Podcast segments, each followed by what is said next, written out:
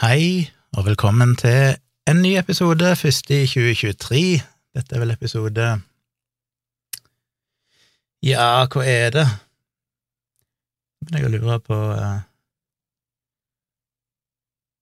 ja, jeg hadde allerede notater til en tidligere episode som jeg ikke har spilt inn. Hmm. Da må jeg ta den. Da er det vel, da dette 319. Ja, forrige var 318. Ok, jeg hadde laga notater til 320, jeg, men uh, jeg hadde visst en 319 som jeg aldri har spilt inn. Det er jo noen tips der òg jeg kan snakke om. Det store siden sist Først må jeg jo bare beklage at det har vært lenge siden forrige episode. Jeg ser den forrige kom 13. desember, så det er jo ja, iallfall godt og vel tre uker siden sist. Men det er jo vært jul, og som dere sikkert vet, mange av dere, så har vi jo drevet og flytta litt og sånn. Um, jeg skrev vel at det var noe uh, trøbbel med Teslaen, det er vel fortalt om i forrige episode, tror jeg. Det ble en ganske dyr affære, men den er iallfall oppegående. Fikk han klar før vi skulle kjøre til Oslo, så vi kjørte jo til Oslo. Eh, hvordan var dette her? Jo, vi skulle flytte, for det skjedde vel etter, etter forrige episode.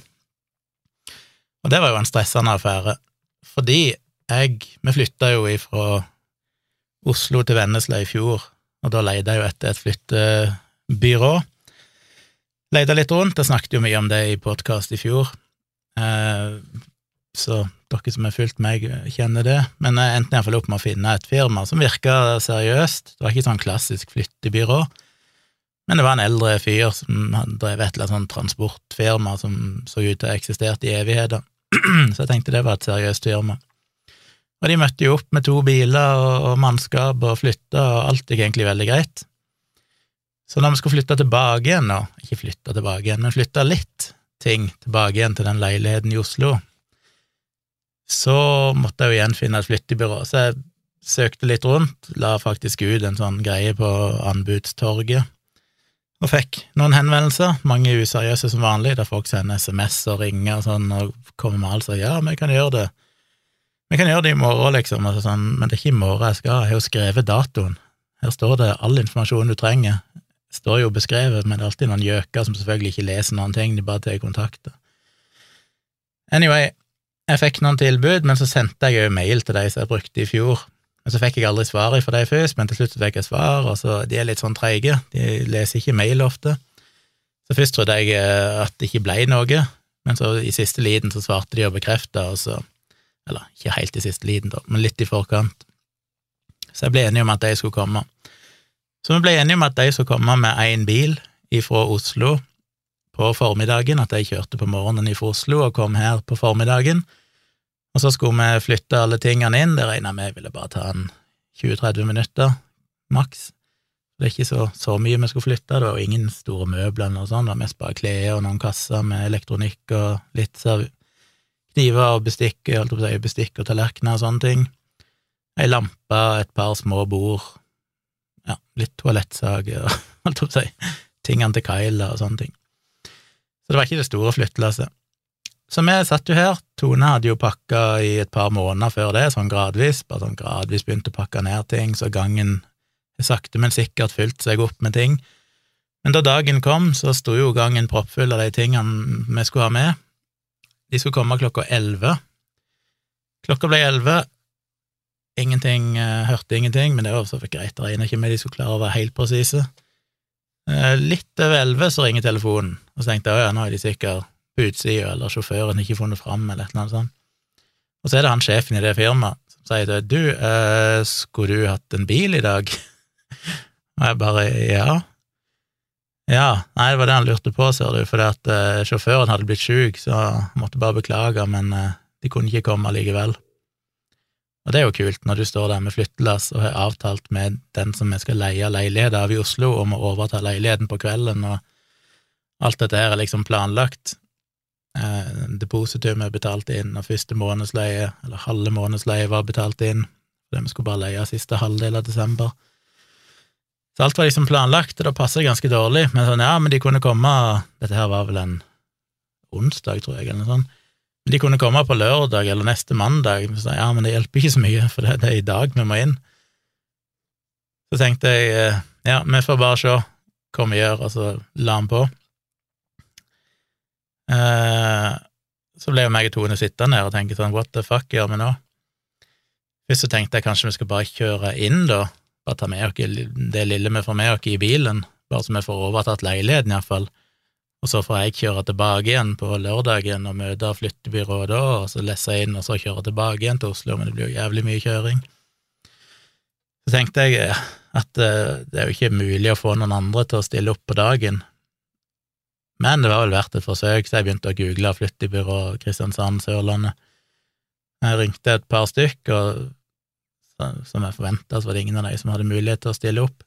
Men det var vel den tredje jeg ringte. Han var sånn ja, de kunne være der om halvannen time. Jeg bare sånn wow, ok.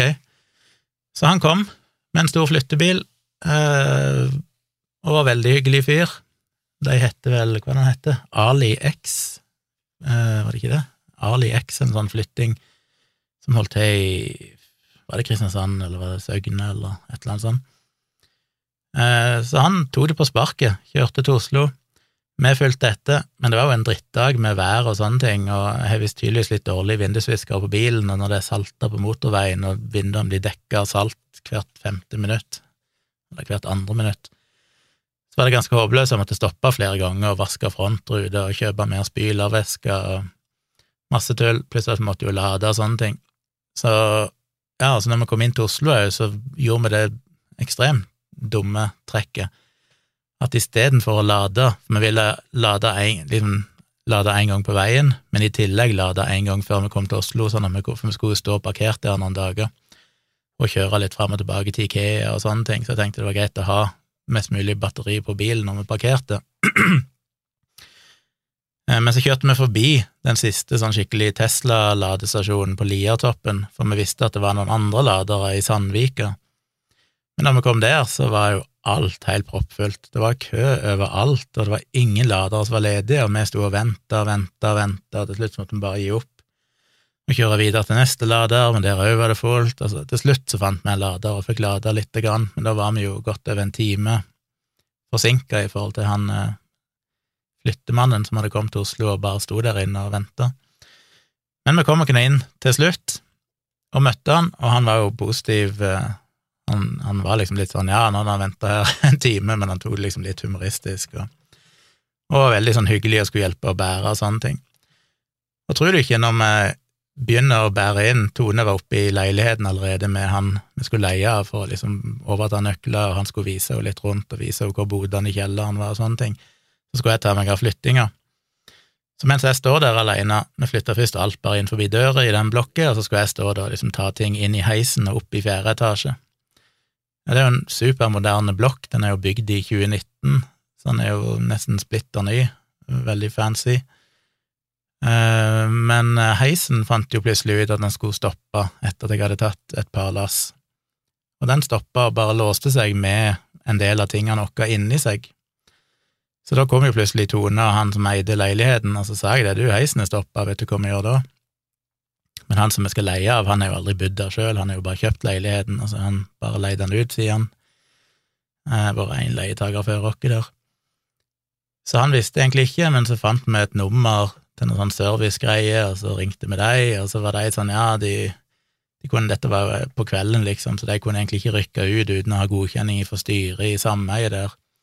Det ville jo koste en del penger. Så måtte vi snakke med styrelederen, så vi, fant vi ut hvor han var, og så fikk vi ringt han.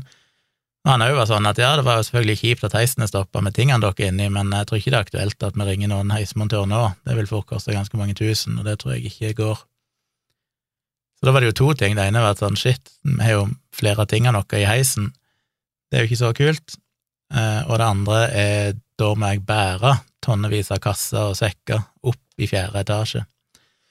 Men jeg tenkte det er jo ikke noe valg for å bare begynne med det, så jeg begynte å bære, holdt på å krepere, for jeg har jo aldri hatt så dårlig kunde som jeg har nå for tida.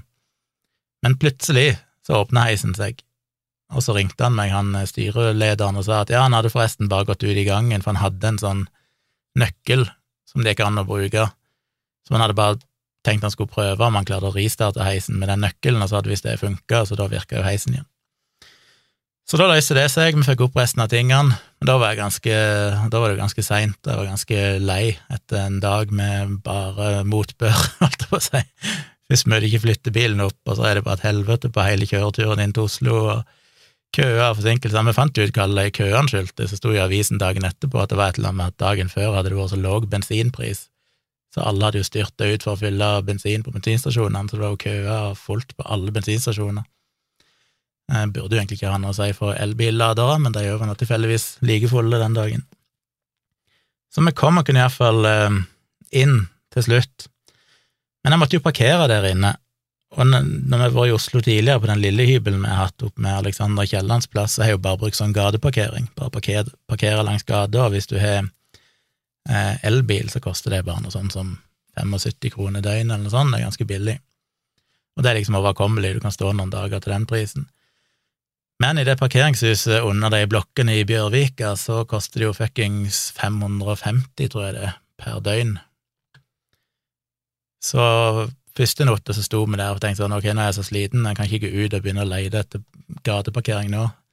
Men i morgen så kjører vi til Ikea og skal kjøpe noen ting, og så tenker jeg etterpå så kan jeg ta og så få parkert. Men selvfølgelig dagen etterpå så kom vi tilbake igjen og var dritslitne, og så hadde det snødd, og så tenkte jeg sånn, shit, jeg har så lite lyst å parkere bilen i ei snøfonn i disse her trange gatene i gamle Oslo, som var det nærmeste plassen med gateparkering, og så risikere at når jeg kommer neste dag, så er bilen snødd inne eller brøyta inne, og jeg har ikke noe spade eller noen ting, og batteriet tappes fort når den står ute, så jeg fuck it, vi, vi får stå én not til. Sendte det selvfølgelig opp med at vi ble stående der i flere dager, så det kosta jo fuckings 2500 eller noe sånt bare i parkering, men vi måtte bare vurdere det som et sånn unntakstilfelle i forbindelse med flyttinga. Så det løser seg jo. Det var jo fint, for der nede i parkeringshuset var det jo lader og sånn òg, så da kunne jeg lade bilen der, og den kunne være fullada når vi skulle kjøre hjem igjen. Anyway, så vi fikk ting på plass. Jeg måtte jobbe ganske mye, fikk rigge opp kontoret i den nye leiligheten, og satt der og programmerte mens Tone tok seg av flytting og bygging av eh, klesstativ og ja, en TV-benk i hylla vi hadde kjøpt på Ikea. Så hun gjorde, gjorde den jobben mens jeg satt og koda. Eh, så hadde jeg en fotoseanse òg, jeg skulle ta bilde på Brasseri Hansken, og denne gangen var det en litt sånn spesiell fotografering, for de hadde eh, en såkalt trøffelmiddag, som de visstnok har hvert år, men som de ikke hadde hatt siden før pandemien, da. Så det var vel tre år siden sist. Der jeg tror det er en eller annen sånn leverandør av grønnsaker og sånn, som mange av disse restaurantene bruker, som årlig inviterer 60 kokker på fine restauranter i Oslo til en sånn trøffelmiddag, der han står for alle utgiftene, eller iallfall leverer råvarene, og så rullerer de på hvilken restaurant som lager maten og hoster det. Så denne gangen var det Brasseri Hansken, så det var jo litt kult, og da var det jo var det temmelig lenge, jeg var der nesten fra start til slutt, i mangfoldige timer. Men jeg hadde lyst til å få tatt mye bilder, for det var en sånn Normalt når jeg er der, så kan jeg ikke ta bilder av gjester, men denne gangen fikk jeg jo klarsignal at nå var det jo på en måte bare et lukka selskap med spesialinviterte folk som nok er jo litt sånn PR-kode, mente han, så det, de var sikkert bare glad for å bli tatt bilde av. Så da kunne jeg springe rundt og ta masse portretter og bilder av folk, i tillegg til matlaging, og så det var både ja, det var flere retter, fire eller fem retter eller noe sånt. Og etter hvert så ble jeg ganske sliten, så jeg satte meg ned og skulle hvile litt, og da kom de jo med mat til meg òg, så jeg fikk smake litt på, på de tingene. Trodde ikke jeg likte trøffel så godt. Ikke så glad i sopp, eller hater egentlig sopp, for å si det mildt. Men øh, Og jeg har smakt trøffel bare sånn, bare liksom trøffel, bare tygge en liten bit for å smake på det, og da tenkte jeg at dette smaker jo bare sopp, det er jo ikke noe godt. Men det jeg fikk smake der, med liksom trøffel bare raspa oppå, det funka faktisk veldig godt, det var jo skikkelig godt. Jeg har jo lagt ut bilder nå av de rettene inne på min Instagram-konto, som heter Tjomli foto. Så dere kan se noen av bildene der. Så kan dere legge ut flere òg etter hvert. Så det var egentlig kult. Hadde selvfølgelig et lite håp om at uh, det kunne føre til flere oppdrag, vi får se. Foreløpig har det ikke skjedd så mye, men uh, men jeg vet ikke hvor flink han eh, sjefen på Brasseri våre til å, å, dele bildene videre med de andre. Jeg sa han gjerne måtte sende galleriet til de andre som var gjester der, men jeg vet ikke om han har gjort det. Jeg har sett noen få har logga inn, men ikke mange, så det er jo litt dumt hvis ikke han har delt det skikkelig, for det hadde jo vært en gyllen anledning til å liksom treffe målgruppa, men vi får se. Så det var den turen. Vi kom hjem igjen, var hjemme en dag her i Vennesla, og så kjørte vi til Tonstad for å feire jul sammen med dattera mi. Så vi var der noen få dager, hadde en ganske chill og rolig julaften. Og så kjørte vi tilbake igjen her på andre juledag, og så ble vi her ei natt. Uh, hadde egentlig tenkt å være to netter, for jeg måtte jobbe og fikse en del ting. Men uh, etter jeg hadde jobba den andre dagen, så fant vi ut at fuck, vi kjøre bare på kvelden. Så vi kjørte ganske seint den tredje juledag, og kom inn til Oslo sånn i to timer på natta eller noe sånt. Men ja, så har vi vært der ganske lenge, da, helt siden 27. desember, vel og helt fram til i Jeg kom vel hjem i forgårs, på tirsdag. Skulle egentlig være der helt til onsdag, eh, men jeg så på værmeldinga at de meldte fryktelig snøvær og sånne ting, så jeg tenkte det er tryggest å kjøre hjem dagen før, og det var jeg glad for når jeg så avisene dagen etterpå, med bare full stopp og kø og total stillestående trafikk på E18 og folk som kjørte ut av veien og krasjing og ja. jeg var glad jeg tok den avgjørelsen og kjørte hjem en dag tidligere, for når jeg kjørte hjem, så var det jo oppholdsvær og fint føre, egentlig. Men det var litt trist å kjøre hjem helt alene. Og nå har jeg bodd her i Vennesla et par dager alene. Jeg er jo vant med å være alene i utgangspunktet. Jeg har jo vært eh, singel i mange år og bodd alene, stort sett i Oslo. Eh, litt på Tonstad òg. Men eh, de siste fire, nesten fire og et halvt årene så er jo meg og Tone vært sammen, og da har vi jo nesten vært sammen 24-7, spesielt på grunn av pandemien, for da begynte jeg jo med hjemmekontor òg, så bare det første året vel vi var sammen, da var jeg på, på jobb liksom på kontoret på dagtid, men etter det så har jeg jo vært hjemme hele tida. Så det er en litt ny tilværelse å plutselig være aleine. Eh, etter jeg kom hjem nå for to dager siden, så har jeg jo bare jobba, bokstavelig talt dag og natt, og i dag var jeg ute av døra for første gang. Fant ut jeg måtte kanskje handle litt, tom for mat og diverse. Og Det var liksom rart å bare det å gå på butikken og skulle handle, og så plutselig Jeg er så vant med når jeg handler, så tenker jeg på begge to. Hva er det Tone trenger, hva er det hun skal ha? Eh, men denne gangen var det sånn Oi, nå er det jo bare meg. Hva er det jeg vil ha? Jeg kan bare handle til meg sjøl, da. Det var ganske sært. Så, ja. Vi parkerte jo noen dager i jul òg, men da fant jeg ut at det var ei Facebook-gruppe for sånn parkeringsgreie i det området, så jeg tok sjansen og gikk inn der, og så skrev jeg bare du, hei, jeg skal en ny område og trenger parkering fra den datoen til den datoen, er det noen som er en parkeringsplass? Og så var det de som kommenterte etter noen timer og skrev sånn, hei, jo, er det en parkeringsplass, jeg kunne ringe opp på det, det nummeret. Så ringte jeg henne, tror det var ei eldre dame, for hun sa blant annet at mannen hennes hadde gått bort ganske nylig. Så jeg regner med at hun hørtes litt ut på stemmen til å være litt sånn eldre dame. Hun hadde tre parkeringsplasser i det parkeringshuset. Gudene vet hvorfor, som hun leide ut. Men da fikk jeg avtalt en veldig billig pris med henne, så jeg kunne stå der hele tida. Så det er jo veldig godt å vite at jeg har nummeret hennes, og neste gang jeg skal til Oslo, hvis jeg skal med bil Nå kommer jeg ikke til å bruke bilen så mye, det var som sagt unntakstilfelle av flytting, og vi måtte ha med oss ting og kjøre på Ikea og sånne ting. Normalt så kommer jeg til å ta bussen inn, sannsynligvis. Men de gangene jeg må ha med bil, så kan jeg kontakte henne, og forhåpentligvis har hun en ledig plass de dagene, så kan jeg stå der, eh, iallfall på vinteren. Når det blir vår og sommer, så er det ikke noe problem med gateparkering, for da er det liksom greit. Det er liksom når det er tonnevis av snø og brøyding og alt det der, da er det ganske kjipt å la bilen stå ute langs en vei med all den risikoen det er. Jeg fikk jo en eh, liten hyggelig overraskelse her forleden dag. Eh, husker ikke om jeg har nevnt det, jeg tror ikke jeg har gjort det, men tidligere i høst en gang så fikk jeg en sånn mail, jeg er jo blitt medlem av Norges Fotografforbund, og de sendte ut, jeg tror det var de som sendte ut en mail og bare minte folk på noe som heter for Bono, Eh, de som er i musikkbransjen, kjenner jo til Tono, som er liksom denne rettighetsorganisasjonen for Ja, som sørger for at du får betalt royalties og sånn hvis musikken din blir spilt eller brukt. Bono er det samme, bare for bilderettigheter. Eh, og det var en litt sånn rar greie, men det er visst et slags fond eller en utbetaling de har for å dekke, eller for å på en måte gi deg royalties for, for bilder som kan ha blitt brukt uten at du vet det. Tanken er jo det at hvis du har lagt ut bilder på nett, hvis du har bilder på Instagram, hvis du har bilder på nettsidene dine, Facebook, hvor som helst, så har jo folk sett de, og det er jo en viss sjanse at noen har brukt de uten at de har rett til det. Jeg tror det er det som er tanken. Så derfor så får du en slags kompensasjon for det. Så tenkte jeg at er jo ikke noe grunnlag for det, men det skader jo ikke å søke. Det var jo et online skjema, du måtte fylle ut sånn navnet på Instagram-kontoen din og nettsida di, og jeg tror det var noe sånn hvor mange bilder du hadde lagt ut det siste året, eller, for dette gjaldt vel for 2021, den utbetalinga jeg fikk nå. Så du måtte ha en sånn oversikt over hvor mange bilder du hadde lagt ut i 2021, og så videre.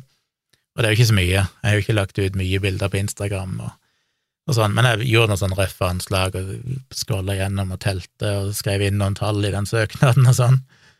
Eh, så er det jo sånn, har bildene dine blitt brukt i aviser eller i lærebøker eller bla, bla, bla. Det er jo ikke mine bilder, så vidt jeg vet. Jeg hadde jo ingenting sånn konkret å vise til. Det eneste jeg kunne skrive, var at bildene mine ligger på nettet.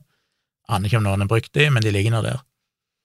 Så tenkte jeg dette gir vel ikke grunnlag for noen ting, men jeg sendte den inn søknaden.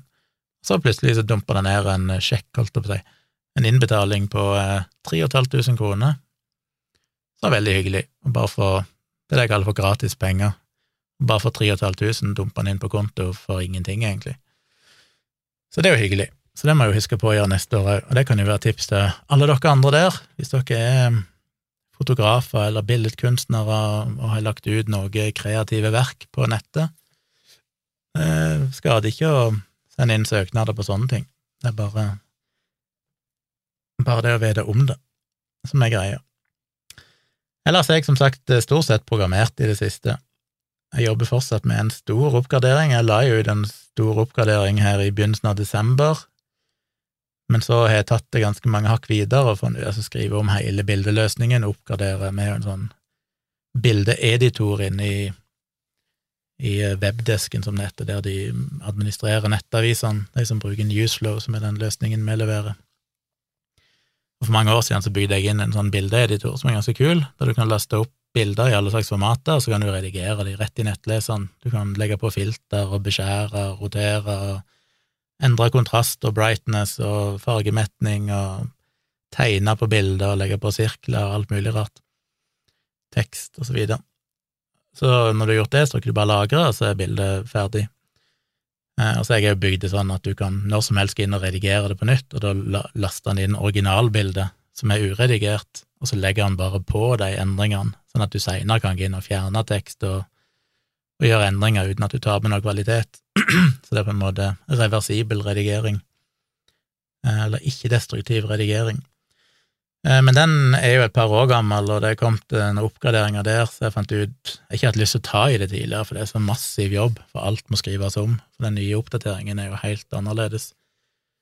Men nå som jeg allikevel skulle gjøre en stor jobb med bildene, så fant jeg ut at ja, ja, La meg gjøre det òg.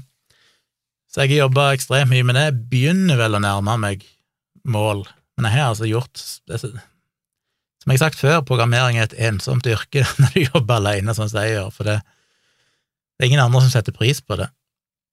Jeg sitter jo her, jeg har sittet Gudene vet hvor mange timer jeg har sittet nå, og gjort så massive, store endringer som de færreste kommer til å merke noe særlig til. Men det det gjør, i tillegg til at de merker oppgraderingene med bilder og sånne ting, altså bilderedigering og sånn, det er litt av grunnen til at jeg valgte å oppgradere den bildeeditoren òg, det er sånn at det iallfall skal være noe synlig for det arbeidet jeg har gjort nå, som kundene òg faktisk merker noe til, i tillegg til at sine blir raskere og alt mulig sånn. Men primært er det bare en, en, forbedring av koden som gjør at jeg kan fjerne masse gammel kode som egentlig var tungvint og unødvendig, for strømlinjeforma veldig mye av hvordan bilder blir behandla, og gjør det ekstremt mye lettere for meg sjøl å vedlikeholde i framtida. Og det er jo sånn med sånne prosjekter at du, du lærer nye ting hele tida, og når måneder og år går, så skjønner du mer at å ja, det er sånn det egentlig burde ha vært, du begynner å skjønne liksom hvordan du skulle ha gjort det første gang, og så må du gjøre endringer. Så jeg gleder meg til det er ferdig, og det haster litt, det er derfor jeg jobber så på spreng, for vi må få den ut snart. Og når den er ute, så skal jeg ta en lang ferie. Nei, da kan jeg begynne på andre ting, men jeg skal ikke jobbe så intenst. Da skal jeg prøve å ta det litt mer i vanlig innenfor vanlig arbeidstid, som de sier. En, jeg, jeg, bruker jo, for dere som er programmerer nerder der ute, så bruker jeg jo eh, Visual Studio Code, eller VS Code, til selve programmeringa, som mange gjør, som er den beste programmeringsprogrammet, hva kaller du det, editoren, teksteditoren med programmeringsfunksjonalitet der ute, etter mitt syn. Eh, men der installerte jeg, jeg ble vel inspirert av en YouTube-video, for det dukker av og til opp YouTube-videoer med sånn disse pluginsene må du ha til VS Code, og sånn bruker du VS Code. Det finnes tusenvis av plugins som du kan installere som gjør masse ting, både endre designet på programmet og sånn, men òg gi masse ny funksjonalitet. Og så var det en uh, plugin jeg ikke hadde hørt om før, som heter Tab9. Tab9 AI. Og alle vet jo at AI er jo the shit. Så jeg tenkte det skader ikke å prøve, det er jo bare ett klikk, så er den installert. Alt skjer bare inn i programmet, det er bare å søke opp, og så trykker du install, og så tar det fem sekunder, så er det installert, og hvis du angrer, så er det bare å uninstall, så er den vekk igjen, så det koster jo veldig lite å prøve. Men jeg registrerte, eller installerte den, og den har jo vært ganske fantastisk, må jeg si. Det er, det er litt sånn Det er litt sånn mind-blowing hva den kan gjøre for det den gjør, er at den autocomplete, eller kommer med forslag til hva jeg har tenkt å skrive hele tida. Eh, men det går ikke liksom bare på ett og ett ord eller et funksjonsnavn, eller Det kan være hele sekvenser med kode. Og det kule er at han er så smart, for han, han er jo på en måte tråla gjennom alt jeg har programmert tidligere, alle, all koden jeg har gjort tilgjengelig for den programmet, og så har han lært seg det. Og når jeg da skriver ting, så skjønner han ekstremt ofte hva jeg har tenkt å skrive. Men det er jo ikke bare sånn at han bruker noe som jeg har gjort før, jeg kan også skrive noe som er helt nytt. Og la ikke si for eksempelets skyld at jeg hadde en variabel som heter first. Eh, så begynner jeg å skrive at first er lik en eller annen verdi, og så trykker jeg Eller, ja, så jeg husker ikke, jeg trykker vel altså fort et eget linjeskift eller semikolon eller noe sånt, så foreslår han resten, og da skjønner han ofte at det neste jeg skal skrive, er second eller third, eller jeg har for eksempel definert uh, at en eller annen variabel skal være lik sånn og sånn, og så litt seinere i koden så begynner jeg å skrive at eller annet, en eller annen verdi skal insertes i en database, og så hvis jeg bare begynner å skrive det første variabelnavnet, så skjønner han at da, da skal sikkert de andre òg inn der, så bare autocomplete han hele frasen for meg, hele sekvensen, bare med ett tastetrykk, så er det liksom boom, så han bare skrevet alt jeg hadde tenkt å skrive, med variabelnavn og strukturer som jeg aldri har skrevet før, men som han bare skjønner ut ifra konteksten og hva jeg har definert tidligere og sånne ting. Så det er litt sånn magisk. Eh, av og til er det litt eh, Den kan være irriterende òg, for av og til trykker du tab for å liksom tabbe deg inn i koden, og så altså tabulatortasten og da vil han ofte autocomplete, og av og til da så bare plutselig hiver han inn noe kode som jeg aldri hadde tenkt å skrive, eh, så må du viske det vekk igjen og sånne ting. Jeg har ikke funnet ut av og til hvordan jeg kan tabbe uten at han autocomplete. Av og til er det sånn, nei, slutt nå, ikke, jeg skal bare ha en, en tab, jeg skal bare skal ikke ha noe kode her nå. Men stort sett så fungerer det veldig greit, og er ganske imponerende. Så det er tips hvis ikke sikkert mange som vet om de fra før, men hvis ikke dere har prøvd, Tab9, T-A-B-N-I-N-E, AI, en VS Code-plugin som er ganske så kul. Den er vel en gratis tjeneste, og så er den en betalt tjeneste, så jeg er jo godt for den betalte tjenesten, koster ikke så veldig mye penger, men da får du litt mer avansert algoritmer og AI som man bruker. Og hvis du har kode i GitHub og sånne ting, så kan du gi han tilgang til det, og så kan han pløye gjennom det òg. Eh, det har for så vidt ikke jeg, jeg har egentlig bare den lokale koden i Newsflow, men han lærer av det, det er ganske så kul. Det var vel det jeg hadde notert for den eh, det som jeg trodde var forrige episode. Nå har jeg jo snakka om eh, mye av dette. Jeg har fått noen hyggelige mailer. Det er jo veldig hyggelig at folk Må sjekke at jeg spiller inn, forresten. Ja. Hyggelig at folk har savna meg. Det har jeg sagt før, og det sier jeg alltid igjen. Jeg litt cola. um, det er jo Jeg har fått noen fine mailer, og Igjen, det er alltid så kjipt å snakke om, for det høres ut som sånn falsk ydmykhet, men det er jo helt genuint. Det er jo alltid like hyggelig å høre at noen sier at 'å, vi hører på det, meg og samboeren min hører på det', eller 'å, savner ny episode, kommer det snart', Og Det var noen som skrev at det var så deilig å høre podkasten min, for den var så laid back og rolig sammenlignet med så mye annet der ute. Som er jo hyggelig å høre, for jeg tenker jo alltid at å, dette må jo være verdens kjedeligste podkast å høre på. så det er godt at det tydeligvis fins ei målgruppe der ute som setter pris på min eh, monotone stemme og mine rants. Så jeg skal jo fortsette, som sagt, det er fortsatt litt jobbstress, jeg kan ikke garantere at det blir to ganger i uka, men eh, etter hvert kommer det tilbake til normalen. skal jo prøve å få til livestream, det er mulig jeg skal prøve å få gjort det nå fredag kveld. Nå spiller jeg jo inn dette natt til fredag, men altså 6. januar. Eh, skal se om jeg kan få til en livestream eh, i kveld, så følg med på YouTube-kanalen min, Tvilsomt med Tjomli. Om ikke det dukker opp en livestream der. Og apropos livestream, så hadde jo Tone en livestream fra Oslo, som dere må sjekke ut. Egentlig en uh, live podkast. Men uh, sjekk gjerne ut den. Den ligger på Jeg må ikke si noe feil. Podkasten hennes heter jo Nerve. Uh, så jeg har ikke helt oversikt over YouTube-kanalene heller nå, men hvis du søker på Tone Sabro, hun har iallfall én kanal som heter Tone Sabro, jeg husker ikke om hun har en egen kanal til Nerve. Så søker du på Tone Sabro Nerve på YouTube, så finner du den sikkert. Så da kan du se hennes eh, livestream-podkast, og der forteller hun òg litt. Jeg har ikke rukket å høre den sjøl, jeg så litt av livesendinga. Eh, hun, hun sa ikke til meg på forhånd at hun skulle gjøre det, så jeg bare satt og så på YouTube, og så bare plutselig dukka Tone opp, så oi, shit, måtte jeg inn og se. Eh, men jeg måtte jobbe, så jeg hadde ikke tid til å sitte en time og se på det. Eller det er kanskje ikke en time, men iallfall å sitte lenge og se på det. Men jeg skal høre den, selvfølgelig, når jeg får anledning.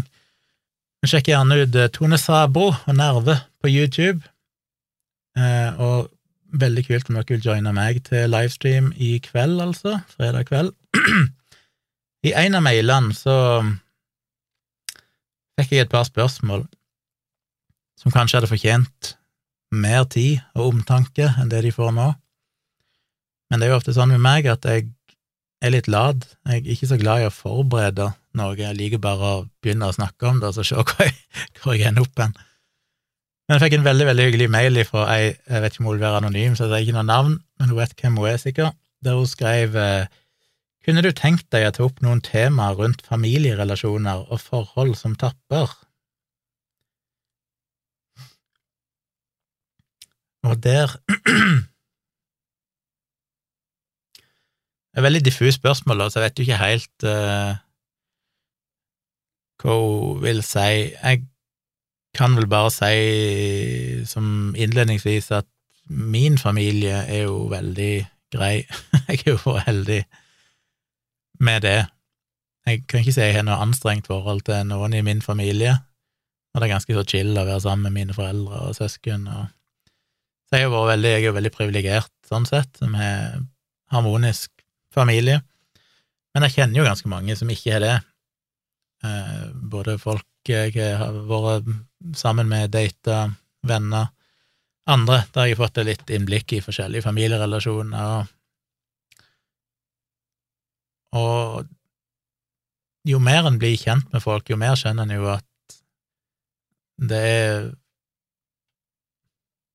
skal jeg? Si det, det, føles jo som at de fleste folk jeg kjenner som sliter med en eller annen psykisk sykdom, så kommer det jo av veldig ofte mora, men iallfall foreldre, men sjokkerende ofte mora, og det er kanskje fordi det er dame jeg ikke dater og snakker med om disse her tingene, og kanskje det er en mer Kanskje mora har mer innflytelse på døtre, jeg vet ikke om de relaterer mer til mora, eller jeg vet ikke hva det er, men det er nesten alltid uten unntak mora som har vært problematisk og fucka opp ganske kraftig eh, for ungene i oppveksten. Eh, selvfølgelig ofte uten å ville det, uten å være klar over det, kanskje, men bare med manglende kjærlighet, manglende forståelse, eh, en kald tilnærmelse til det å være mor, og alt det der. Så jeg skjønner jo at det er mange som har et anstrengt forhold, og det er jo ganske mange jeg kjenner som egentlig ikke har noe eh, det er, Jeg vet ikke om det er sånn fellesnevner, men når jeg begynner å tenke over, så er det jo sånn overraskende mange av de damene jeg har data, eller har som ganske nære venninner, kjent ei stund, har jo nesten alle et ganske anstrengt forhold til familie, og ganske sjelden er hos familiene sine. Men, eh, men, det må være slitsomt, det skjønner jeg jo. Og jeg har jo vet jo om folk Jeg husker ei som jeg var sammen med for mange, mange, mange år siden. Hun måtte jo mer eller mindre Hun hadde jo et veldig anstrengt forhold til foreldrene sine, og spesielt far sin, og måtte til slutt mer eller mindre ditche han. Og jeg tror jo Jeg tror ikke jeg, jeg skjønte helt greia, både fordi jeg sjøl har vært privilegert og egentlig ikke hatt noe sånn anstrengt forhold til mine foreldre, noen problemer med det. Men jeg, jeg, tror ikke jeg skjønte det helt før jeg hørte på WTF-podkasten med Mark Maron, som var en av mine faste podkaster som jeg hører på. Eh, og han er jo en sjokkerende god psykologisk innsikt. Altså, det er ikke få ganger han har snakka med han, han Podkasten hans er jo bare egentlig intervju med artister, og kjendiser, forfattere, komikere, skuespillere, musikere, og alt mulig sånn. Eh, og det er ikke så rent få ganger, for han er jo en ekstremt dyktig intervjuer. Han, han, klarer jo å Ikke alltid, men ganske ofte så får han folk til å åpne seg ganske mye. Fortelle om oppvekst og alt mulig, og flere ganger så har han jo kommet med en sånn innsikt når han snakker med dem, der de bare er sånn shit. Det du sa der, er jo har jo betydd Eller har gjort at jeg skjønner mer enn liksom 20 år med psykolog. Eh, for av og til så kommer han med sånne glimt. Han er en god forståelse, men han, han sa jo en ting, og det er sikkert ikke noe revolusjonerende for mange, men men én ting han sa en gang, var det at når du vokser opp som Eller når du er barn, så er jo foreldrene dine perfekte. Sånn at hvis noe er vanskelig, så må det være deg det er noe galt med, ikke foreldrene dine. For det er de er jo voksne, ansvarlige og perfekte individer. Og det jo, det er jo liksom årsaken, tror jeg, til veldig mye av de problemene folk har når det er knytta til oppvekst, det er jo det at som barn så vil du anta at hvis noe er vanskelig og galt, så er det deg det er noe galt med, det er du som må ta deg sammen, det er du som må skjerpe deg, selv om det veldig ofte, selvfølgelig, eller kanskje oftest, er foreldrene som er fucka. Eh, men det er liksom ikke en, det er ikke et alternativ i et barnesinn å tenke det. Og først når de, folk ofte bli ganske gamle, før de etter hvert skjønner at hm, kanskje det ikke var noe galt med meg, kanskje det er mamma som var helt fucka, eller pappa som var helt fucka. Og det, det tror jeg det ligger mye i, det å at barn tar de problemene på seg sjøl. Det ødelegger ganske mye. Da begynner jeg alltid å tenke sånn, hm, er det noe med meg som jeg òg alltid har gått rundt og tenkt er min feil, og kanskje er det egentlig foreldrene mine sin feil. ja, ja. Um, men ja, familierelasjoner og Tappe Nei, hun, eh, hun måtte seg kutte ut far sin, og reiste egentlig bare av gårde. Og det skjønner jeg var vanskelig, og jeg snakka med andre som var i samme situasjon, og det er jo en enorm skyldfølelse i det å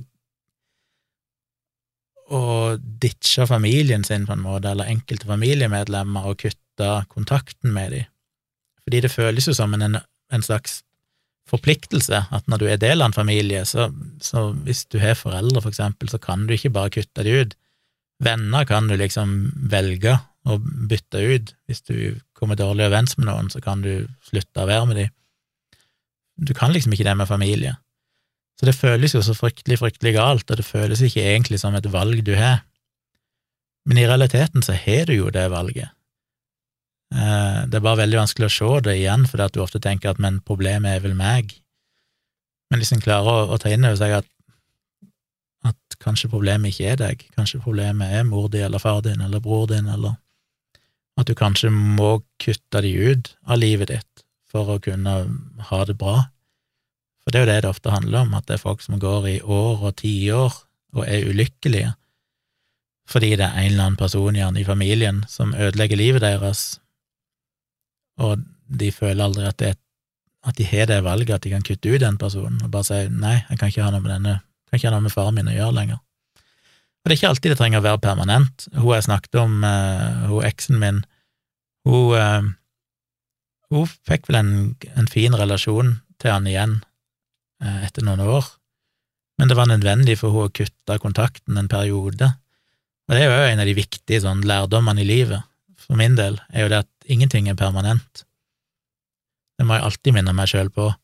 Hvis jeg er i et forhold og ting er vanskelig, eller vi har en samtale om et eller annet der et eller annet kommer fram som jeg bare tenker sånn ah, fuck, eh, så må jeg alltid minne meg sjøl på at men det er akkurat nå.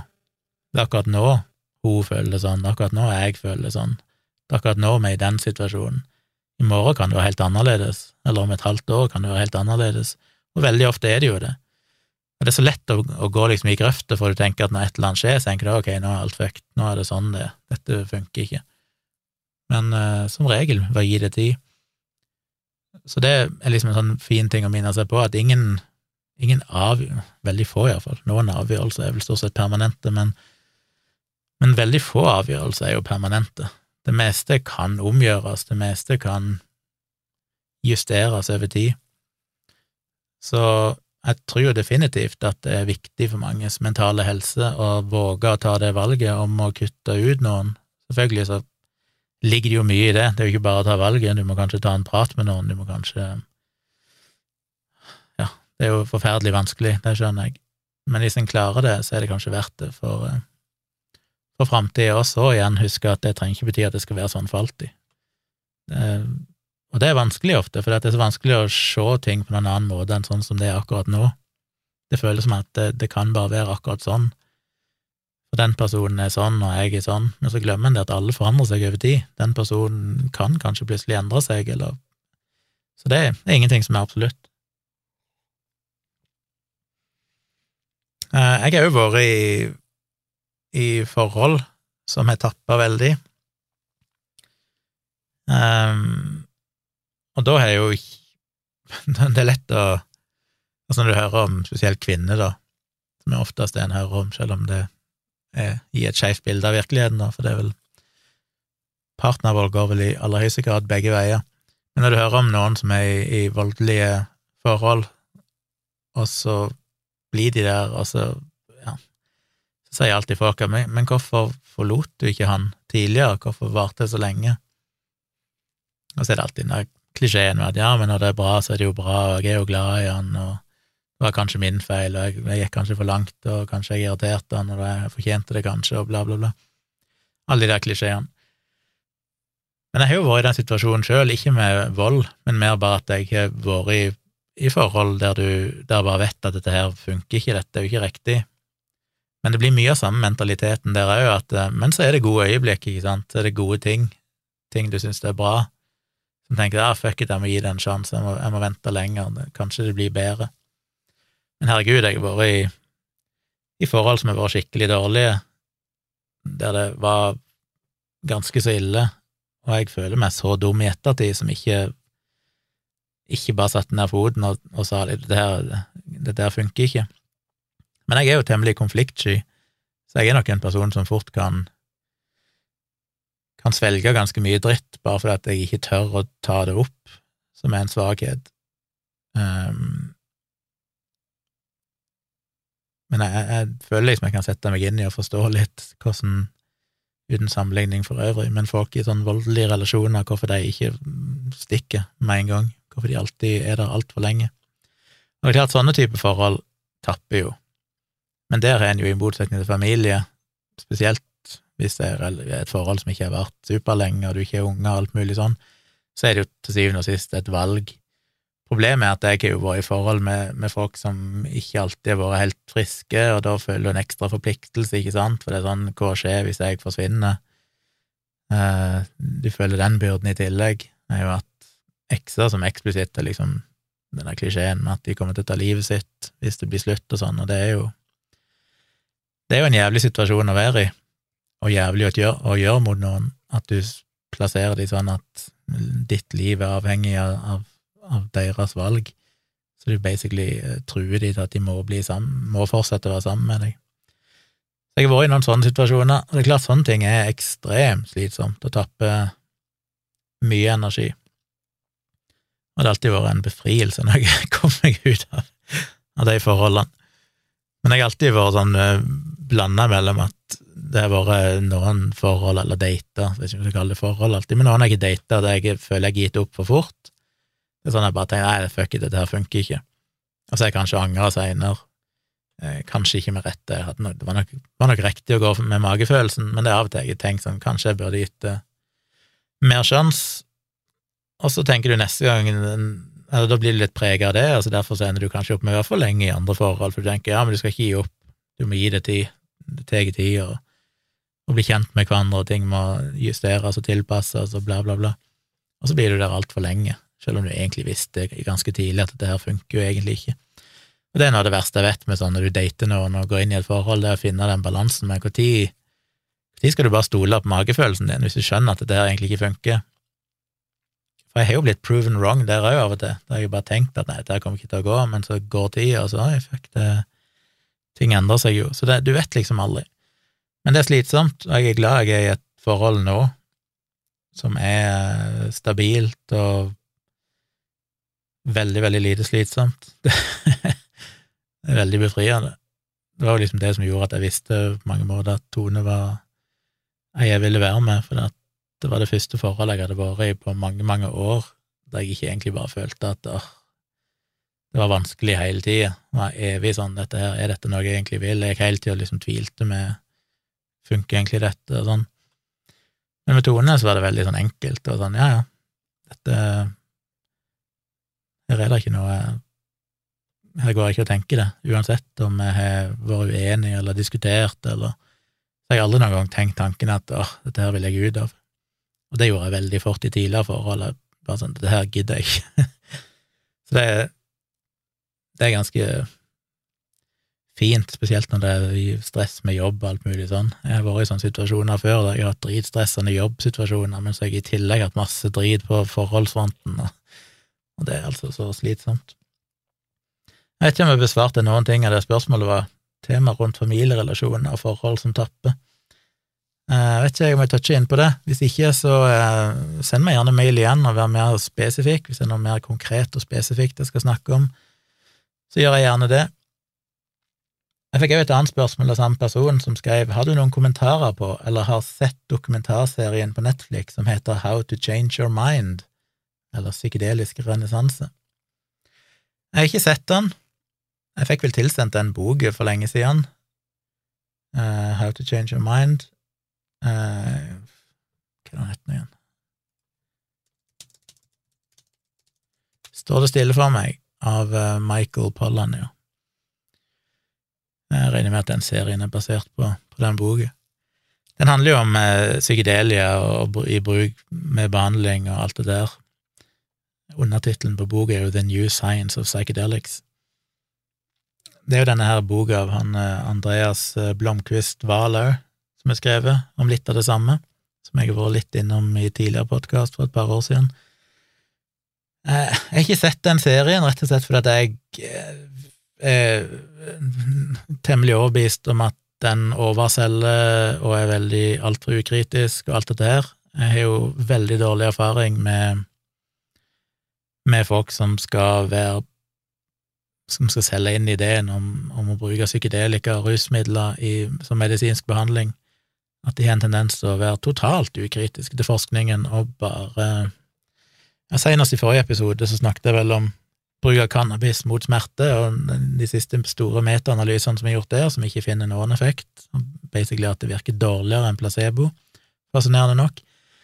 Men det er jo det jeg ser, i gang på gang når jeg ser disse debattene, så Man så jo at uh, denne her uh, rus Hva heter det? Rusreformforeningen? uh, foreningen Rus Tryggere ruspolitikk, er det ikke det? Jeg tror det var de som inviterte meg til en Ikke bare meg, da, men som sendte ut en invitasjon til alle medlemmene, for jeg har vel betalt et medlemskap der, eller støtta de. Jeg skal ha et eller annet nå snart. Jeg hadde jo de som leder det, både det var vel Dagfinn Hessen Paust, var det ikke det, og Ina Roll... Nei, jo, og Ina Roll Spinanger hadde jo som gjest i en podkast slash video som ligger ute på YouTube-kanalen min, og som vel òg ligger som en tidligere podkast her, Atomprat, der vi snakket om dette med legalisering eller rusreform. Um, men han ble vel invitert, de skulle ha et eller annet på Kulturhuset eller noe sånt, tror jeg, i Oslo, en eller annen gang i januar de skulle diskutere bruk av cannabis, tror jeg det var, som i medisin. Og da ble jeg bare sånn Jeg vet ikke om jeg er i Oslo, da, men hvis jeg er, så har jeg nesten lyst til å gå Jeg frykter jeg kommer bare til å bli irritert, for det at eh, Jeg frykter at det kommer til å bli alt, Det var jo fagpersoner der som var oppegående, men jeg ikke det, Min erfaring er jo at det kan være ekstremt oppegående folk som allikevel ikke klarer å lese forskningen kritisk nok fordi de har en eller annen erfaring sjøl, eller de har opplevd et eller annet hos sine pasienter. Og det er altså så farlig. Det er jo som eh, Jeg husker ikke hvem det var som sa det, men en av disse amerikanske skeptikerlegene som sier at det, eh, det farligste ting en lege kan si, er ifølge min erfaring, eller according to my experience, det er det farligste du kan si. Fordi at vi alle, uansett om du er lege eller professor, er jo like store ofre for kognitiv bias og hukommelsesskeivhet og bekreftelsesbias og alt dette her, som gjør at ja, du har kanskje følt at pasienter fikk nytte av sånn og sånn, det betyr jo ikke egentlig at det var det. Du aner ikke om det var én av ti millioner andre variabler som inntraff samtidig, som egentlig hjalp. Vi må forholde oss til rigid forskning, skal vi kunne si noe om dette. Jeg føler at det er en del sånne aktivister der ute som er faglig kompetente, men som ofte virker litt for ukritiske.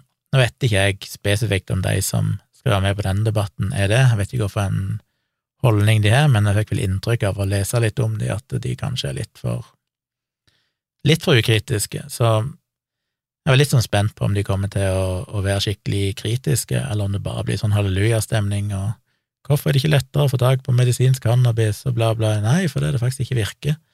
Det er jo en, en god grunn, tenker jeg. Vi, det blir litt som som jeg skriver om i placebo-defekten, det er folk som sier at ja, men burde vi ikke tilby placebomedisin hvis folk føler at det hjelper de, ikke det er bra? Men det er veldig mye mer komplisert enn det. Det er ikke sånn at du kan bare gi folk det de føler hjelper dem. de om de vil bruke det sjøl, så er det deres valg, men det skal ikke komme ifra det offentlige helsevesenet, for det er ganske ødeleggende. Så jeg får se om jeg klarer å komme meg på det, om jeg orker, eller ja, jeg vet ikke om det er sunt, sunt for meg. Men jeg har ikke sett den serien, jeg har ikke lest boken, må jeg innrømme. Eh, ja, fordi jeg er relativt skeptisk. Eh, ikke til at det faktisk kan fungere, som jeg har sagt mange ganger før. Jeg tror altså Kjemikalier er kjemikalier, om du kaller det et legemiddel eller om du kaller det et rusmiddel, er jo helt irrelevant. Det kan ha medisinske effekter. Og jeg tenker at det virker plausibelt at eh, en del psykedelika og sånn skal kunne gjøre ting med folk, for eksempel kurere depresjon eller kanskje andre ting, fordi jeg tror at mye psykisk sykdom òg handler om at fastlåste tankemønstre, at du sliter med å liksom få andre perspektiver, du er liksom litt låst fast i et verdensbilde, eh, og at det å ta rusmiddel som kan gi deg en form for løsrivelse fra egoet ditt i en periode, og alt dette her jeg, jeg tror nok det er sannsynlig at det kanskje vil kunne fungere positivt, men Igjen, jeg er jo med i en eller annen sånn uh, rus-psykedelika-side på Facebook som jeg bare hater. jeg er med i den bare av ren masochisme, bare fordi hver gang jeg ser noen poste noe der, så blir jeg like forbanna. For der er det jo bare sånn New Age hallelujastemning med overtro og spiritualisme, og alle rusopplevelser er jo bekreftelse på magiske krefter og bla, bla, bla. Jeg holder på å spy, jeg får så lyst til å gi dem en avhandling om hvordan hjernen fungerer, og hvordan vi konstruerer vår egen virkelighet, og bla, bla, bla. Men iallfall um, ehm, Der Hva er det jeg skulle si? Nå falt jeg jo helt av lasset.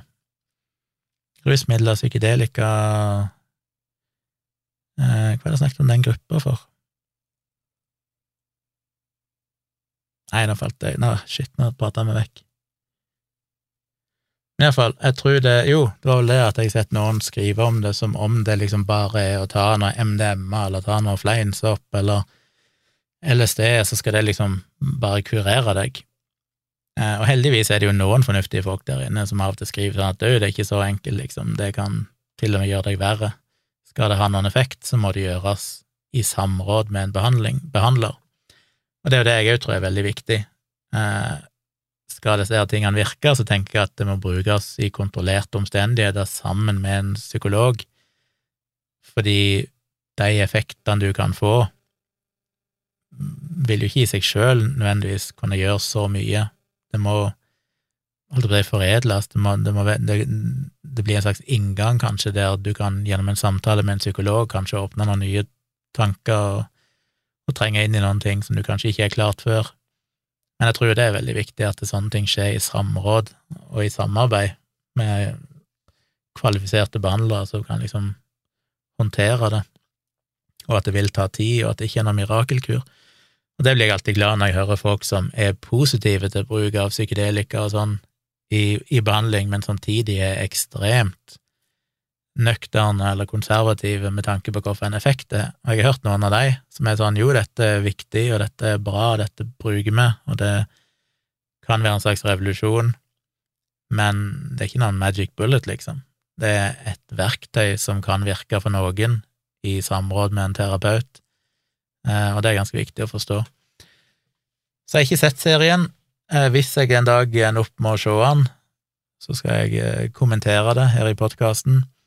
Men jeg har rett og slett bare styrt litt unna, bare fordi jeg blir så provosert av sånn, av sånn overselging, spesielt når det skjer i dokumentarform, så er det alltid en tendens til å være altfor ukritisk og altfor ensidig, og de har liksom bestemt seg for hva budskapet er, og så bare pøser de på med alt som skal virke som dokumentasjon for dette her fantastiske miraklet, og så får du ikke nok av den kritiske sida, så får se om jeg gidder å se. Jeg, eh, jeg forholder meg, det er, jo, det er jo ikke så vanskelig, altså hvis en forholder seg til forskningen på området, så har det ikke vært noen mirakler så langt. Det som finnes, er jo noen anekdoter, basically, noen case reports men i systematiske studier, eller i, gode studier, så det finnes jo lite av det, av store studier. Det finnes jo mye på cannabis, egentlig, men av andre rusmidler så er det ikke så mye studier. Det, det, er liksom det er jo ikke den kvaliteten du trenger, og den størrelsen du trenger for å egentlig vite noen ting, og så vil jo placeboeffekten være veldig stor i disse studiene.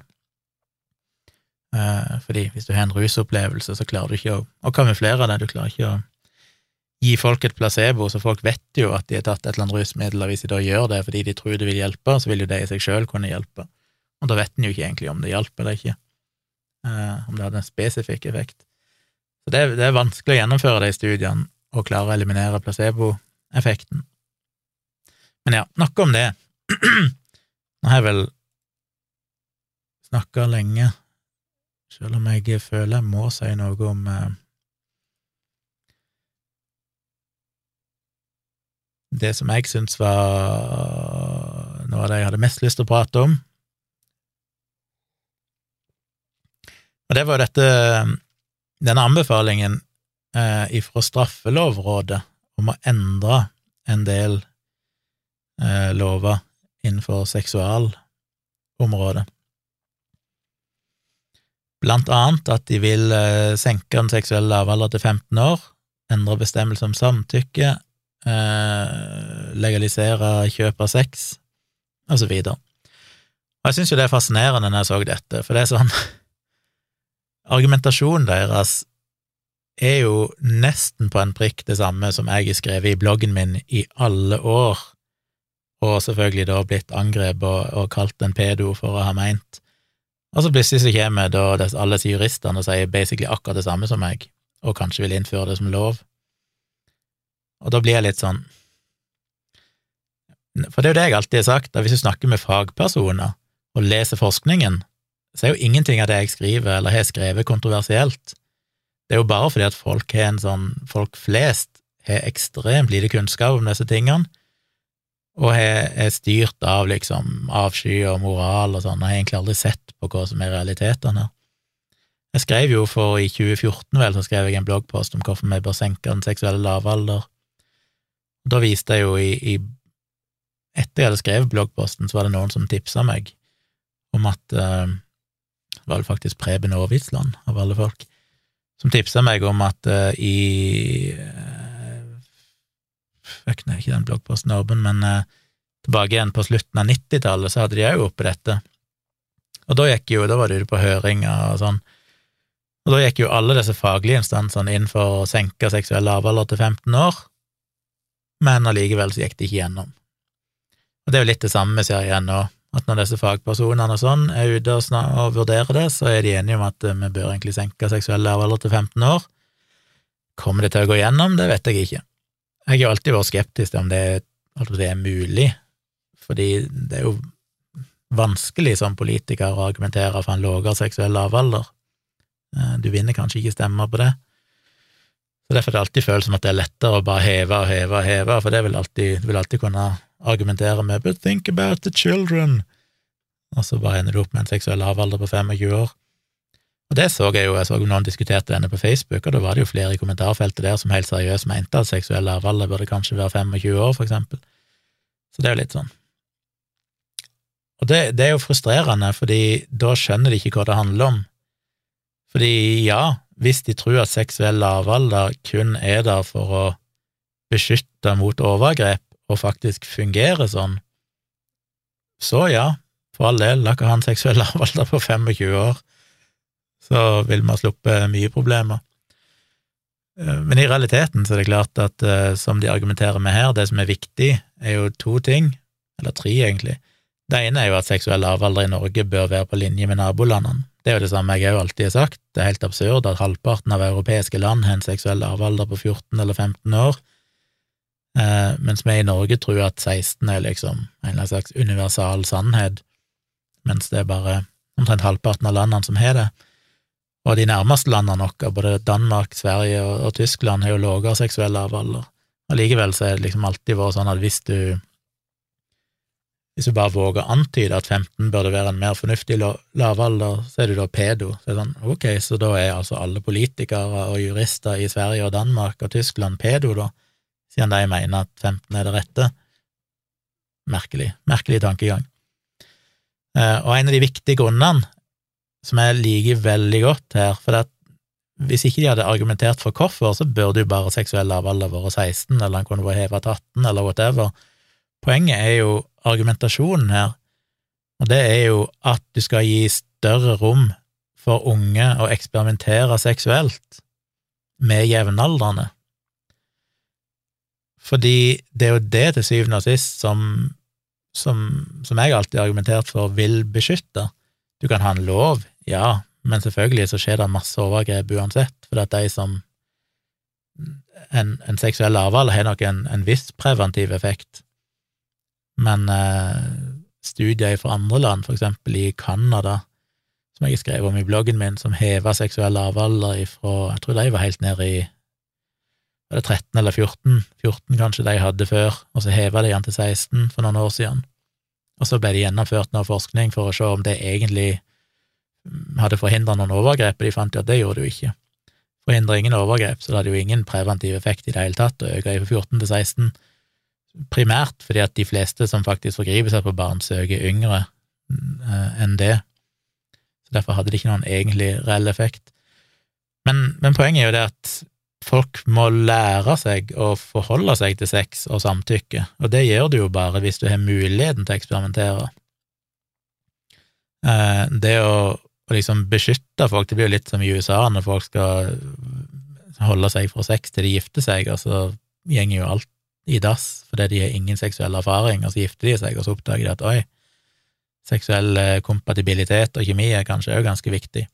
Og de har null erfaring, og de har aldri hatt en orgasme, og vet ikke hvordan de får orgasme, og bla, bla, bla, vet ikke at de blir utsatt for overgrep engang, at de skjønner jo ikke hvilke grenser som gjelder, hva som er greit, og hva som ikke er greit. Så det er klart at det å, å gi ungdom den muligheten er viktig. Men da kommer jo det andre her òg, som de sier, som jeg syns er kanskje det viktigste, og som er er helt på linje med det jeg har argumentert med, for det jeg argumenterte med i snart ti år, er jo en sånn flytende seksuell lavalder, der jeg har argumentert eh, Tyskland har noe sånt, eh, der de har en absolutt seksuell lavalder på 14 år, men så er de et ekstra vern på en måte opp til 16. Så det er ikke sånn at det er eh, automatisk ulovlig å ha sex med noen, noen under 16 år, men de vurderer det veldig mye mer individuelt, så det er på en måte en lavere terskel for å kunne bli straffa mellom 14 og 16 år. Du har et ekstra vern der, men det er ikke noe automatikk i det. Og det er jo akkurat det samme de argumenterer med her. De vil ha en lavere seksuell lavalder, og så vil de fjerne minstestraffen, sånn at hver situasjon kan eh, vurderes individuelt. Som jeg har argumentert for i alle, alle år, nettopp det Og de sier jo at en av grunnene til at det kan være nyttig, er fordi at de sier at mange som har begått overgrep, faktisk ender opp med å bli frikjent, fordi at selv om bevisene tilsier at de kanskje har hatt seksuell omgang med noen under 16, så føler ikke at uh, minstestraffen, hvordan den er, tre år i fengsel eller sånn, ett år i fengsel og en bot, vet ikke hva det er for noe, men minstestraffen virker iallfall for streng, så derfor ender de opp med å frifinne de. Men så har du hatt de motsatte tilfellene òg, som har vært skrevet om i aviser, der det er folk som eh, har hatt sex med kjæresten sin da de sjøl var 14 og kjæresten var 19 år, og de hadde vært sammen i kanskje et par år før de hadde sex første gang, men hun var under 16, eh, og så endte typen opp med å bli dømt, og jenta sto i retten og nekta å motta erstatning, og juryen sa, det står i dommen, at ingen kunne se at det egentlig hadde skjedd noe galt der, for de var kjærester, hadde vært det i mange år, det var ikke noe press, det var ikke noe tvang, det var noe begge to ønska, de elska hverandre, men fordi loven er som den er, så hadde de nødt å dømme han til en fengselsstraff pluss at hun skulle få erstatning. Og det er klart, sånt for meg blir helt absurd, når til og med juryen og alle sitter og sier at her er det jo egentlig ikke skjedd noe galt, men loven er som den er, så da må vi bare dømme han, da.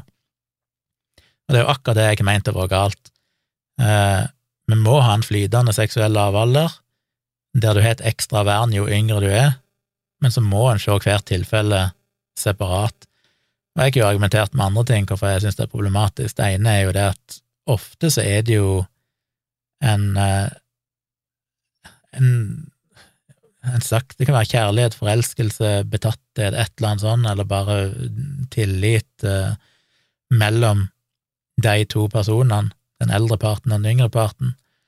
Og det kan jo gjøre det veldig vanskelig for den yngre parten å melde ifra hvis de føler at de er blitt utsatt for et overgrep, hvis de føler seg pressa til sex, eller føler de må gjøre noe de ikke vil, fordi de ønsker jo ikke nødvendigvis at den eldre parten skal havne i fengsel i to–tre år, men de har lyst til å, å, varsle om det.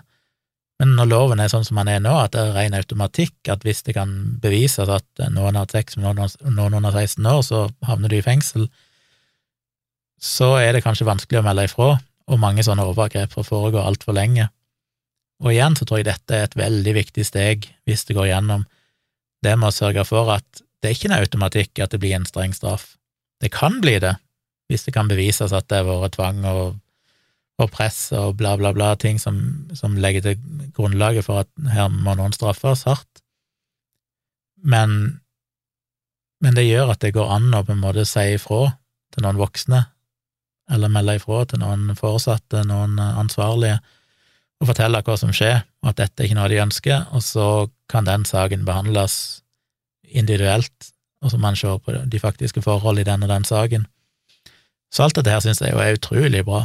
Jeg håper jo virkelig at det, at det går gjennom. Det tror jeg vil være veldig, veldig positivt å kunne redusere eh, risiko for overgrep, både fordi at den økte friheten yngre folk får, gir òg ansvar, og de legger jo veldig mye mer vekt nå på samtykke, og det tror jeg òg er veldig viktig, at det er jo det det bør handle om, det bør ikke handle om at dette er ulovlig, fordi når du er passert 16, da, så skal du plutselig være et fritt vilt.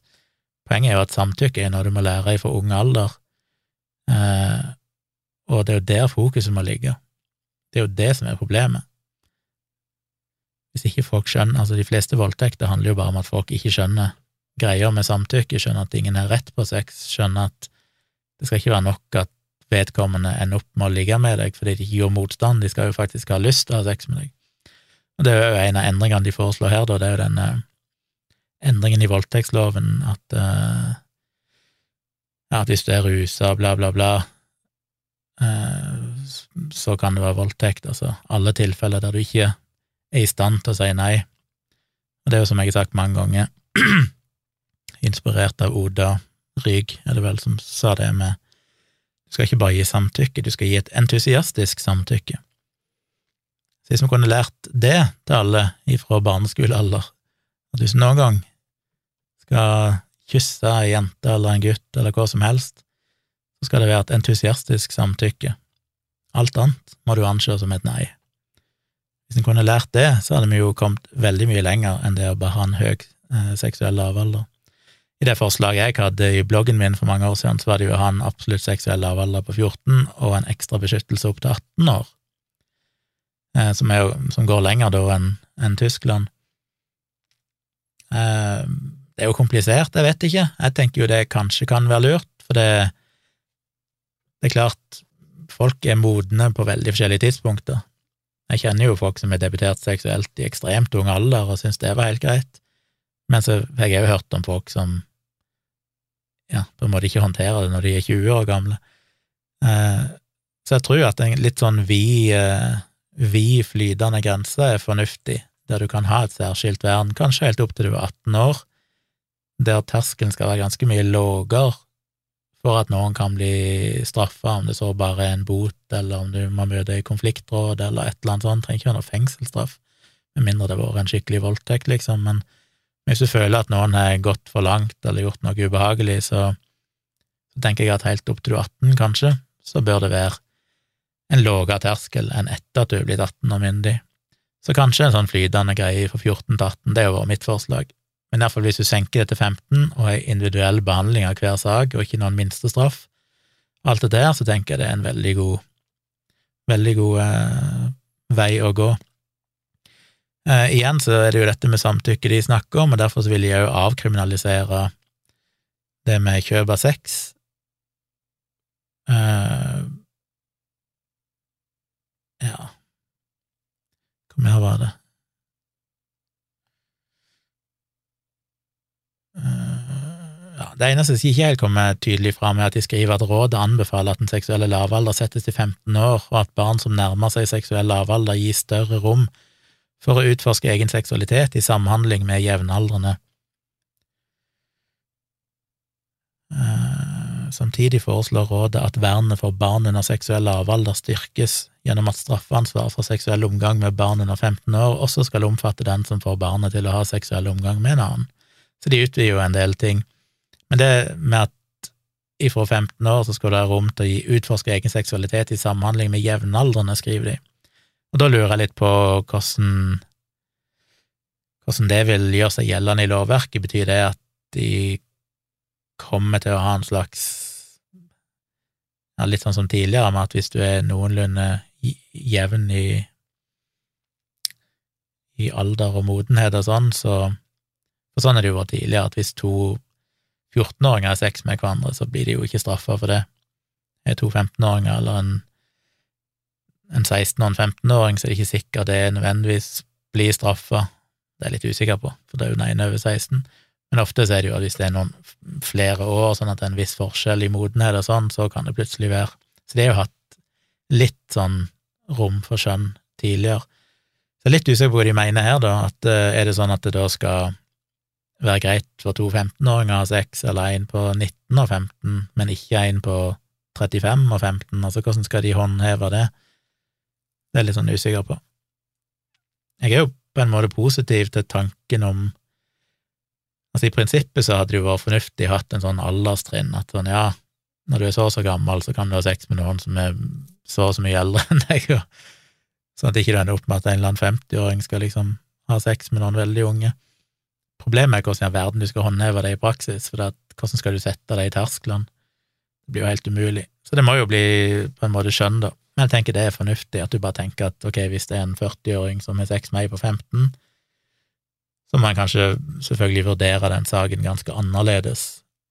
Eh, ikke sikkert det er ulovlig, ikke sikkert det skal være straffbart, men det blir jo en annen situasjon enn om en 17-åring har sex med sin 15 år gamle kjæreste, liksom. Så regner jo bare med at det blir en eller annen sånn skjønnsvurdering der, og det tror jeg jo er fornuftig. Eh, det var den ene saken, så jeg er spent, som jeg måtte snakke om, spent på hvordan det går, eh, om det går igjennom. Og så var det jo en annen sak her i NRK rett eh, etter jul. Unge med dårlig selvfølelse er mer negative til likestilling og innvandrere som voksne. Funnene er tydelige, ifølge forskere. En norsk studie som er fulgt data fra undersøkelsen Ung i Norge, der de har fulgt 2215 nordmenn ifra de var rundt 15 år i 1992 til de var ca. 43 år i 2020. De har så fulgt de i 28 år.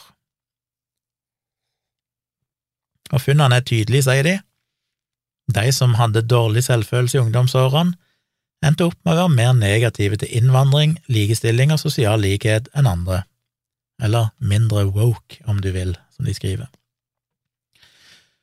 Og det syns jeg jo er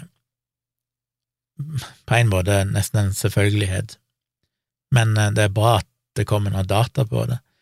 Men det er jo ganske åpenbart at det er ikke uten grunn at eh, folk som gjerne stemmer på mer ja, stemmer Frp og på mer egoistiske partier, er folk som ikke alltid er de som kanskje er best stilt i samfunnet.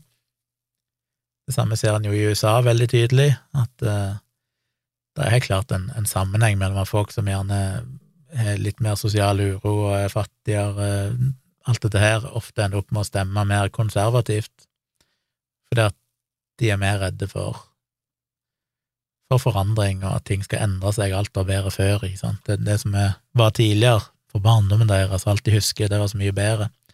Så når ting er vanskelig, så vil folk tilbake igjen til det de husker som godt, og er derfor veldig motstandere av all progresjon. Men det gjelder jo dette med selvfølelse, og det kan jeg jo kjenne meg veldig godt igjen i, i sjøl, og jeg tror de fleste har kjent på det, at jeg er jo et veldig mye bedre menneske når jeg har god selvfølelse. Altså hvis det, hvis det har vært perioder i livet mitt der jeg føler jeg har prestert et eller annet, eller fått anerkjennelse for noe, eller så blir jeg utrolig mye mer raus med folk rundt meg. All min dårlige oppførsel kommer jo av manglende selvtillit. Så det er ikke noen tvil om Det er jo derfor du ofte ser, jeg mener, folk som er som helt åpenbart oser god selvfølelse, er jo ofte veldig hyggelige folk. Eh, ofte viser mye omtanke, sånn selvfølgelig er det noen som blir bare rene kuker, da, som blir høye på seg sjøl og jævlige, men, men, det er veldig mange jeg kjenner som er liksom helt åpenbart ser ut til å ha veldig god selvfølelse og er veldig, veldig rause, gode folk, fordi de føler seg ikke trua. Hvis du har dårlig selvfølelse, så føler du deg veldig lett trua av alle andre, pluss at du har et behov for å, å hevde deg, sånn at er, det er viktig å finne en gruppe du kan rakke ned på som er dårligere enn deg sjøl. Og det utnytter selvfølgelig autoritære, populistiske politikere for alt det er verdt, alt ifra partiene mest på høyresida her i Norge til selvfølgelig Trump og republikanere i USA, og autoritære ledere i, rundt i Europa og i andre land. Eh, strategien er jo alltid den samme, det er jo å finne grupper som du kan gi skylda for alt, ofte er jo det innvandrere. Eh, I nyere tid så det jo ofte vært transpersoner, tidligere homofile, Eh, du finner sånne grupper som da er årsaken til alle problemer, og så bare fokuserer de på at det er de som er problemet her i verden. De koster for mye penger, de skaper for mye uro, de skaper usikkerhet og kriminalitet og er en trussel for alle.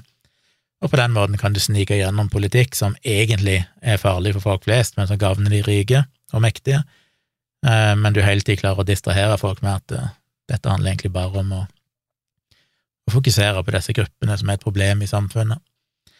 Uh, og den Det er derfor det er en sånn ond, nedadgående spiral òg, da. I et samfunn der ting blir verre, så det er jo mye lettere for autoritære ledere å få fotfeste. Jeg skulle jo tro det ville være motsatt. I en rasjonell verden ville jo være motsatt. Når ting ble vanskeligere, så skulle en jo tro at venstresida ville hevde seg, for de vil ha sosial utjevning, og de vil støtte, og bla, bla, bla. Men nei da, da er det jo de kreftene som tenker mest mulig egoistisk, at eh, alle skal tenke på seg sjøl, og alle skal ha muligheten til å bli rike, men ingen skal få noen ting gratis. Da er det de som vinner fram. Eh, og de som er mest aggressive mot selvfølgelig utstøtte eller stigmatiserte grupper.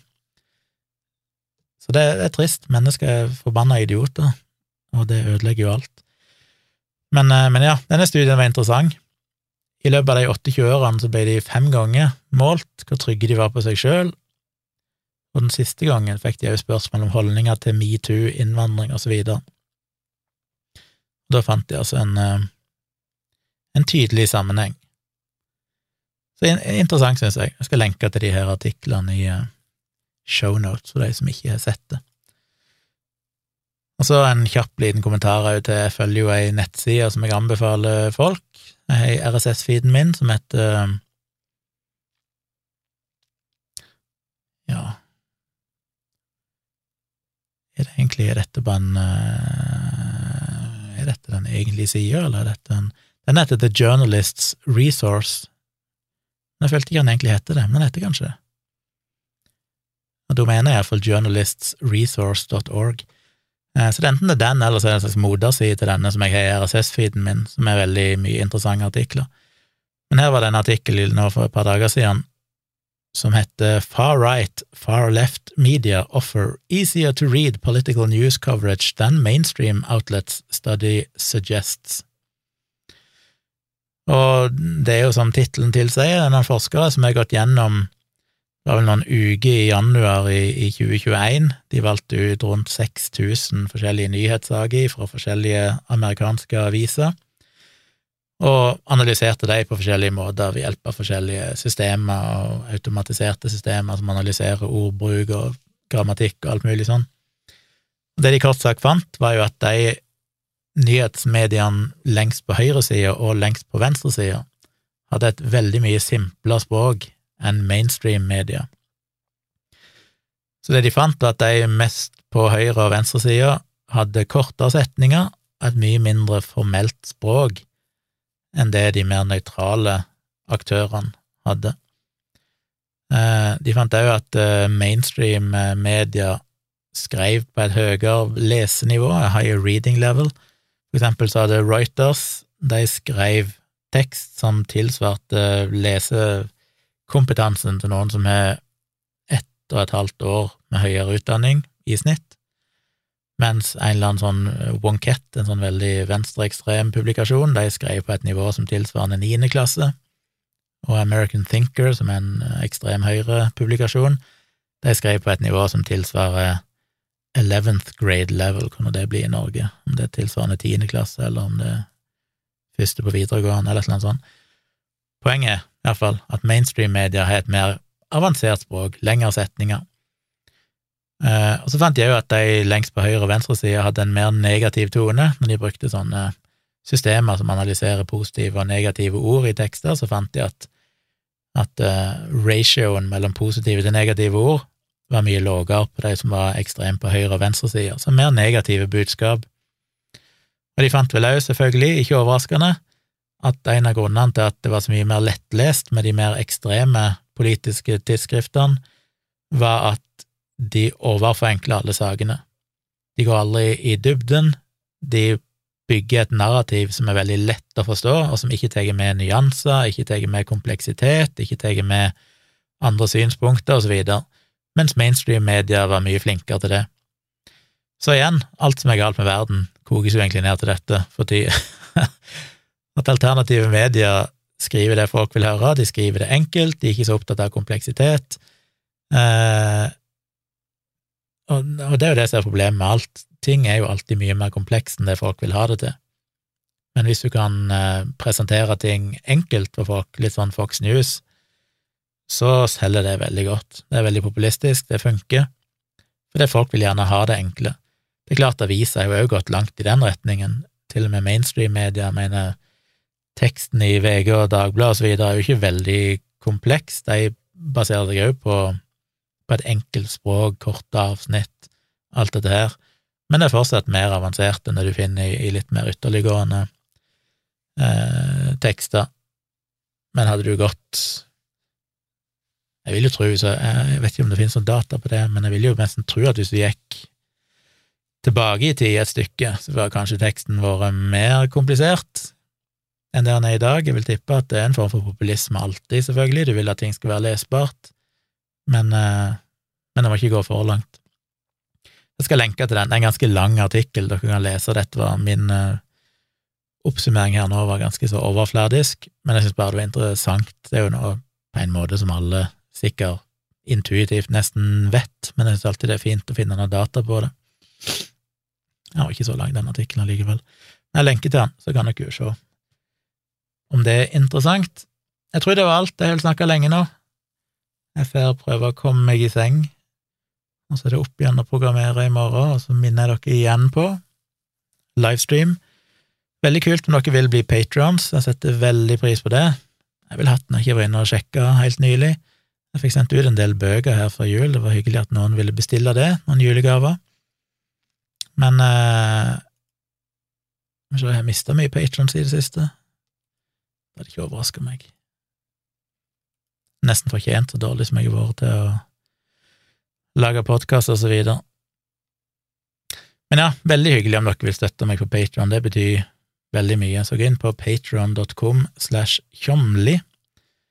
Eh, der finner dere òg lydbøkene mine og videoer og alt mulig sånn. Eh, når jeg bare får litt mer tid, så skal jeg òg få lagt ut flere bonusepisoder, men det ligger noen bonusepisoder der til denne podkasten som kun er for patrions, eller patrons, eller tjommier, som jeg kaller de. Ja, det ble en episode. Jeg håper det var noe som var verdt å høre på etter lang tids pause. Skal jeg se om jeg kan klare å være tilbake igjen i neste uke med en ny episode. Nå skal jeg være aleine her i Vennesla en liten periode. Dattera mi har bursdag neste uke, da blir hun 16 år, som jo er ganske absurd. Hun er, hva det er, 1,78 høy. Hun er en eh, ja, satser på å slutte å vokse nå. Hun er livredd for å bli høyere. Hennes største frykt er å bli 1,80, stakkar. Men uh, for hennes skyld så håper jeg at hun har slutta, så hun ikke blir lei seg for å vokse en centimeter eller to ekstra. Men hun er 16 år, det er litt absurd. Skal i bursdagsselskap neste uke. Og så etter hvert skal jeg komme meg tilbake igjen til Oslo og være der en liten periode, chille litt der. Det er ganske koselig å kunne ha bo begge plassene. Men akkurat nå så passer det egentlig fint å være alene, for stakkars Tone har jo nesten ikke sett meg allikevel på mange uker. Da går jeg med mye dårlig samvittighet, så akkurat nå passer det fint å bare være alene, for da kan jeg jobbe døgnet rundt uten at hun uten at jeg trenger å tenke på at eh, jeg ditcher henne, liksom. Men jeg håper jeg skal komme sterkere tilbake igjen. Men iallfall, takk for at du hørte på. Eh, må nesten si godt nyttår til alle, litt sånn seint, men eh, bedre seint enn aldri. Og så høres vi igjen etter hvert.